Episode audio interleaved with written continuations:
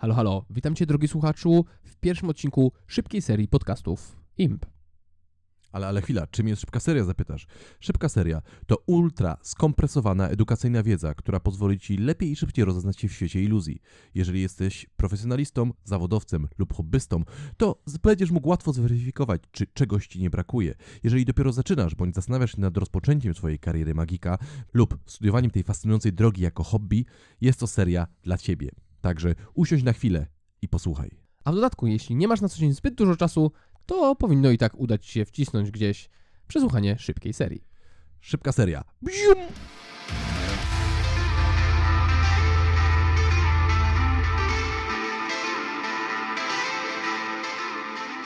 W dzisiejszym odcinku szybkiej serii podcastu IMP dowiesz się o rodzajach magii, które warto znać. Albo rodzajach magii, które można wykonywać. Na pierwszym punkcie mamy Numer 1, 1, 1, 1. Comedy Magic, czyli tak zwana magia komediowa. Jest to połączenie zarówno magii, jak i komedii, czyli śmiechu. Jest zabawnie, jest przyjemnie, ale jest też naprawdę magicznie. E, Jeżeli wiesz, kim jest Mac King, to wiesz dobrze, jaką twarz nosi magia komediowa. Jeżeli nie wiesz, kim jest Mac King, to spauzuj ten odcinek, pobiegnij szybko do domu i zobacz jakikolwiek jego występ. Będziesz bardzo mocno się śmiał, bardzo dobrze bawił, a dodatkowo będziesz oczarowany.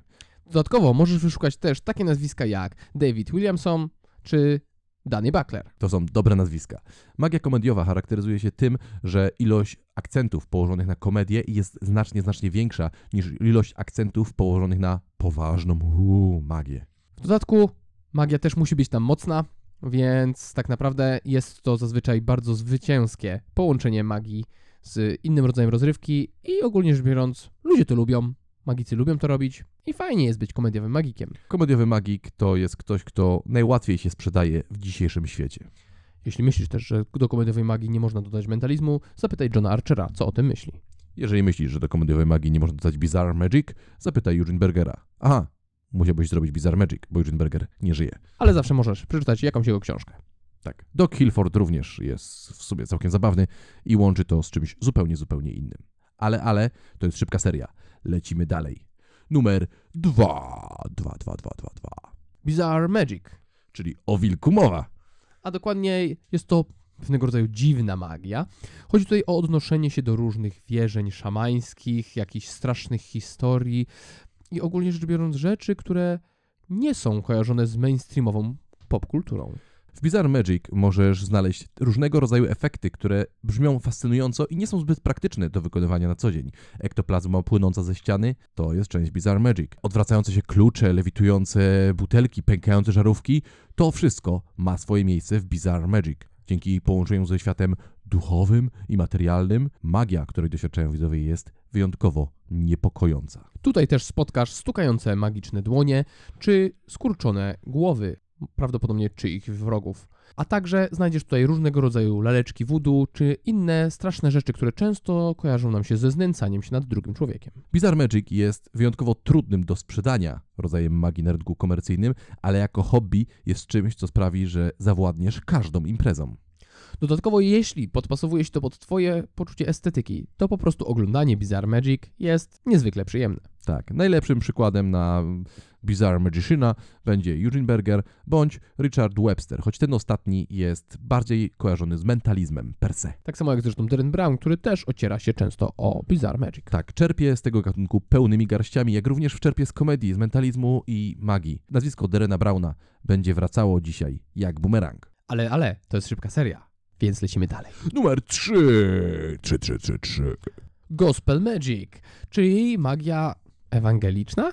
Aleluja!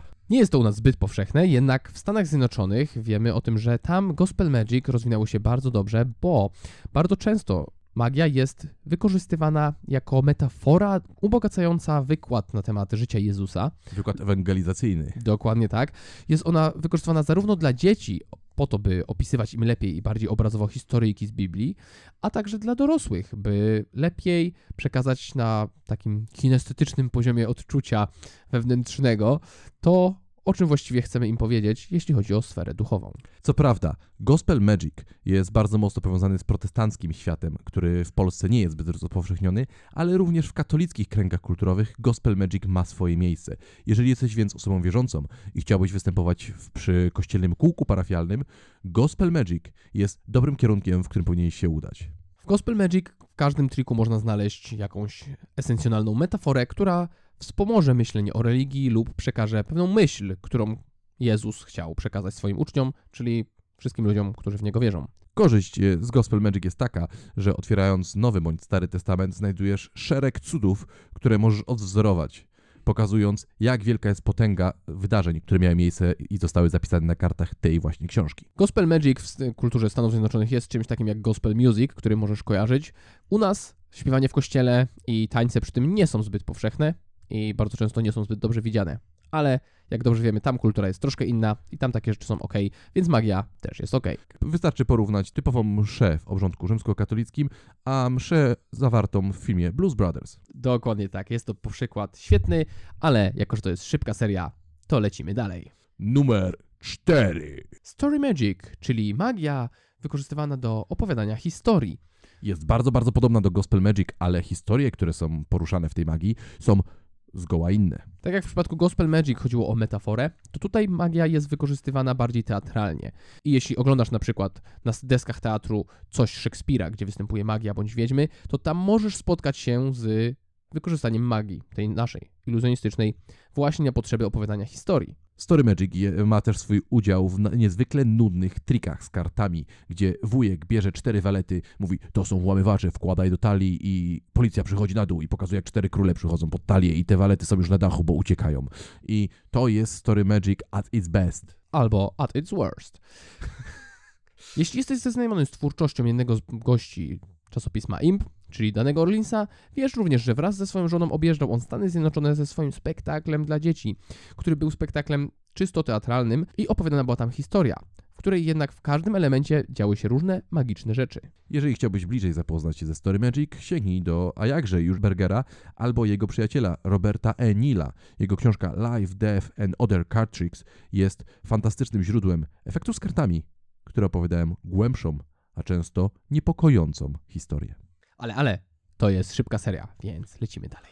Numer 5. Mentalizm. Tego już nie trzeba tłumaczyć, bo mentalizm to mentalizm. Opowiem wam dowcip mentalistyczny. Ha, ha, ha, ha. W każdym razie mentalizm opiera się głównie na czytaniu w myślach, przewidywaniu przyszłości, wyginaniu siłą mózgu metalu. Tego nigdy nie jestem w stanie do końca zrozumieć. I różnych innych mentalnych i psychicznych fenomenach. Tak, zasadniczo mentalizm jest bardzo, bardzo, bardzo, bardzo, ale to bardzo podobny do Bizarre Magic. Główną różnicą jest to, że w Bizarre Magic e, opowiada historię niesamowitą, a mentalizm, a mentalista prezentuje siebie jako osobę, która ma niesamowite umiejętności. Mentalizm zazwyczaj nie jest prezentowany jako sztuczki, efekty bądź triki, tylko niesamowite wyczyny kogoś, kto potrafi więcej niż zwykły zjadacz chleba. Mentalizm nie jest też powiązany z jakimś konkretnym poczuciem estetyki, tak więc może być to mentalizm trochę bizar, może być mentalizm komediowy, ba, pewnie nawet może być mentalizm gospel. Tak, mentalizm może być wykonywany w każdych warunkach i w zasadzie w każdej estetyce, jak wspomniał Patryk. W związku z tym zarówno mentalistą będzie Darren Brown na deskach teatru, jak i Morgan Stembler, który w nocnym klubie wygina widelce, tworząc z nich finezyjne figury. Ale, ale, to jest szybka seria, więc lecimy dalej. Numer 666. Ucieczki. Pewnie każdy z Was kojarzy Harry'ego Houdiniego. Każdy go kojarzy, bo uciekał. Tak, był w stanie uciec nie tylko przed y, kajdanami, kuframi czy łańcuchami, był też w stanie uciec przed bólem, który wywołał w jego brzuchu uderzenie kogokolwiek w jakimkolwiek mieście, aż do czasu, gdy go to zabiło. Był w stanie robić wiele, wiele rzeczy. E, Zdania na temat tego, czy escapologia powinna być częścią magii, czy nie, są podzielone i nie będziemy teraz zgłębiać tego tematu. Faktem jest, że wielu iluzjonistów korzysta z różnego rodzaju kajdan, łańcuchów, lin, żeby się z nich uwalniać. Kaftan bezpieczeństwa stał się znakiem rozpoznawczym wielu, wielu popularnych iluzjonistów i bardzo słusznie, bo uwolnienie się z czegoś, co jest tak znane i tak niemożliwe do pokonania, jest niezwykle ekscytujące i fascynujące. Jakkolwiek y, kontrowersyjna dla magików nie byłaby właśnie ta dziedzina, nie jest ona jedyną kontrowersyjną. Ale te jeszcze się pojawią naszej szybkiej serii. Więc jeżeli chcesz uciekać, jeżeli interesuje cię jak przechytrzyć policję, jak uciec z więzienia, to również możesz być magikiem. Albo złodziejem. Zostań escapologiem. Ale, ale, to jest szybka seria, więc lecimy dalej. Numer 7. Quick Change Act, czyli tak naprawdę szybka zmiana strojów. I wydawać by się mogło, że szybkie przebieranie się jest magią tylko w piątek wieczór dla twojej dziewczyny. Ale nie, magicy również korzystają z tego zabiegu. Jeśli kojarzysz Arturo Brachettiego, to wiesz, że za pomocą Quick Change Actu można stworzyć też takie trochę story magic, więc wiadomo, Quick Change Act może być wykorzystywany na różne potrzeby, aczkolwiek jest on na tyle nietypowy, że warto o nim wspomnieć. Tak, Quick Change Act często wchodzi do naszej kultury i świadomości jako coś, co nie jest powiązane z magią. E, widziałem quick change artystów, którzy jeżdżą figurowo na lodzie i szybko się przebierają. E, widziałem to w programach typu Mam Talent, gdzie nie jest to prezentowane jako typowa magia, ale Quick Change Act jest częścią magii i warto o tym pamiętać. Zdecydowanie tak, a kwestie jego konstrukcji zazwyczaj są bardzo skrywanymi sekretami i tak naprawdę są bardzo mało powszechnie znane, jeśli chodzi o społeczność magików. Jeżeli więc nie możesz dotrzeć punktualnie na miejsce imprezy, zapisz swoją partnerkę na kurs Quick Change Artystów. Wszystko pójdzie sprawniej. Ale, ale, to szybka seria, więc my lecimy dalej. Numer 8. Manipulacje. Manipulacje to rodzaj magii, który w Polsce miał się całkiem dobrze. I słusznie, bo oglądanie manipulacji, dobrych manipulacji jest fascynujące. Gość wyciąga karty z powietrza, bilki znikają, mnożą się i pojawiają. Jest to zazwyczaj taki rodzaj magii, w którym wykonawca nie ma zbyt dużo interakcji z publicznością, nie ma z nią bezpośredniego kontaktu, prezentuje za pomocą swoich e, różnych zdolności magicznych bądź manualnych pewne niesamowite fenomeny. Ale za to można słuchać przepięknej muzyczki. Dokładnie tak. I jeśli interesują Cię różni artyści, którzy się tym zajmują, to warto sprawdzić, kim był Jeff McBride. Ba, kim jest Jeff McBride. Kim jest Hector Mancha, czy Salvano. Również Salvano był mistrzem manipulacji. E, wielu polskich iluzjonistów e, korzystało z tego typu iluzji i bardzo słusznie, bo manipulacje są fantastyczne do oglądania. Nie wymagają zaangażowania ze strony publiczności i są możliwe do oglądania bardzo, bardzo z daleka. Są niezwykle trudne i w dzisiejszych czasach łatwiej jest zobaczyć Azjatę, który zajmuje się manipulacjami, niż człowieka z jakiejkolwiek innej nacji w magicznej rodzinie. Czy słusznie, czy nie, nie wiem, ale jeżeli chciałbyś wyciągać karty z powietrza, jeżeli chciałbyś mnożyć bilki, bądź robić niesamowite rzeczy z jedwabnymi chustkami, świat manipulacji czeka właśnie na ciebie. Warto też zauważyć, że akty manipulacyjne niedawno zostały przeplecione w społecznej świadomości z aktami nazywanymi close-up i dokonuje tego m.in. Eric Chien czy Shin Lim. Warto jednak zauważyć, że większość tego, co oni robią, to rzeczywiście są to manipulacje. Korzystają one zarówno z tych samych technik, jak i mają taką samą interakcję z publicznością. Ale, ale, czyż nie jest to szybka seria? To jest szybka seria, więc lecimy dalej. Numer 9. Kolejny kontrowersyjny punkt Slate of Hand Magic, czyli to, co u nas można nazwać prestidigitacją. Slate of Hand Magic jest bardzo, bardzo, bardzo zbliżone do manipulacji. W zasadzie rozgraniczenie tego jest trochę karkołomnym wyzwaniem, ale jest wymagane, żeby lepiej się rozeznać w temacie, bo Slate of Hand Magic jest bardzo często prezentowane z bliska, podczas gdy miejsce manipulacji zazwyczaj jednak jest na scenie. Slate of Hand Magic bardzo często ingeruje też w przestrzeń osobistą ludzi, którzy oglądają to, czyli po prostu nawiązuje się z nimi interakcję i zaprasza ich do wspólnego udziału. Tak, jeżeli ktoś właśnie pokazał ci dwie monety, złapałeś go za rękę i jedna moneta zniknęła i pojawiała się w drugiej ręce, to właśnie byłeś świadkiem Slate of Hand Magic.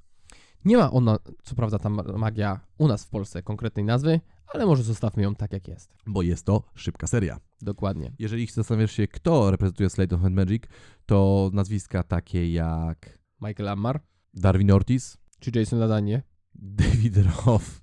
są to na pewno przedstawiciele właśnie tego rodzaju magii. Tak, jest to bardzo, bardzo popularne. Jeżeli widzisz elegancko ubranego starszego pana, który gładko przetasowywuje karty bądź przekłada monety z ręki do ręki, to prawdopodobnie będziesz świadkiem Slate of Hand Magic. Oczywiście jest, że Slate of Hand Magic jest prezentowane, może być komediowo, może być jako mentalizm, bo było nie było, duża część mentalizmu polega na Slate of Hand Magic. Może być prezentowany jako cokolwiek, gdyż jest to bardzo, bardzo szeroki, a w zasadzie chyba najszerszy nurt w świecie iluzji. Warto też sprawdzić takie nazwiska jak Doc Eason oraz Bob Sheets. A również Bob White i Fred Capps. Garrett Thomas. Za dużo tego, by wymieniać. Tak, jest ich naprawdę wielu i wszyscy są wybitni. I nie zapomnijmy o Matthew Wrightie. O Boże. Ale, ale, to jest szybka seria, więc przechodzimy do ostatniego punktu. Numer 10. Kolejny kontrowersyjny rodzaj magii Gambling Demonstrations, czyli demonstracje ala hazardowe. Tak, jest to bardzo mocno powiązane z poprzednim punktem Slate of Magic, e, który jest powiązany bardzo mocno z manipulacjami, ale tutaj wykonawca nie przekonuje człowieka, że ma jakiekolwiek naturalne mocy, czy dzieje się cokolwiek niewiarygodnego. Po prostu pokazuje, w jaki sposób można wygrać w grze, w której nie można wygrać. Chodzi tutaj o gry hazardowe, czyli na przykład karty, kości lub tak naprawdę inne różne rzeczy, bo domino też wchodzi w hazard. Również widziałem rutyny e, gamblingowe z bierkami. Tak jest. Wszystkim, na co ludzie stawiają pieniądze, można zrobić prezentację ala gamblingową. Tak, ta dziedzina iluzji pełnymi garściami czerpie z gier, w których ludzie stawiają pieniądze. To ten rodzaj występowania dotyka tematów takich jak pozyskiwanie i tracenie fortun i oszukiwanie przeznaczenia. Jeżeli chciałbyś zgłębić ten temat, to sięgnij koniecznie do Steve'a Fortiego. A także wspomnianego już Darwina Ortiza. O tak. Co prawda dotarliśmy już do ostatniego punktu, ale teraz mamy jeszcze punkt bonusowy, Bonus! a mianowicie pickpocketing, czyli tak zwane kieszonkostwo. Tak. E, Jest to dosyć kontrowersyjne, bo tak naprawdę nie ma to związku z magią, ale wielu iluzjonistów korzysta z tego i tworzy wspaniałe akty. Mamy w Polsce bardzo utalentowanego kieszonkowca Rafała Walusza. Mamy również na świecie takiego osobnika jak Apollo Robbins, który jest żyjącą legendą. Jest światowej klasy specjalistą od kieszonkostwa, doradzającego m.in. i szkolącego agentów FBI. Tak, jeżeli więc ktoś podczas pokazu potrafi zdjąć twoje okulary, pasek, zegarek, a także wymontować baterię z twojego zegarka i lewą skarpetkę, którą przed chwilą miałeś na nodze, to prawdopodobnie doświadczyłeś kieszonkostwa. Jest to bardzo, bardzo, bardzo trudny gatunek iluzji do studiowania, gdyż musisz, no co to ukrywać, okradać ludzi. Tego nie nauczysz się siedząc przy biurku i tasując karty. Ale, ale, to jest szybka seria. I w ten sposób dotarliśmy do końca naszej listy. Koniec. Tak więc my, szybciutko, jak to na szybką serię przystało, my spadamy, trzymajcie się. Cześć.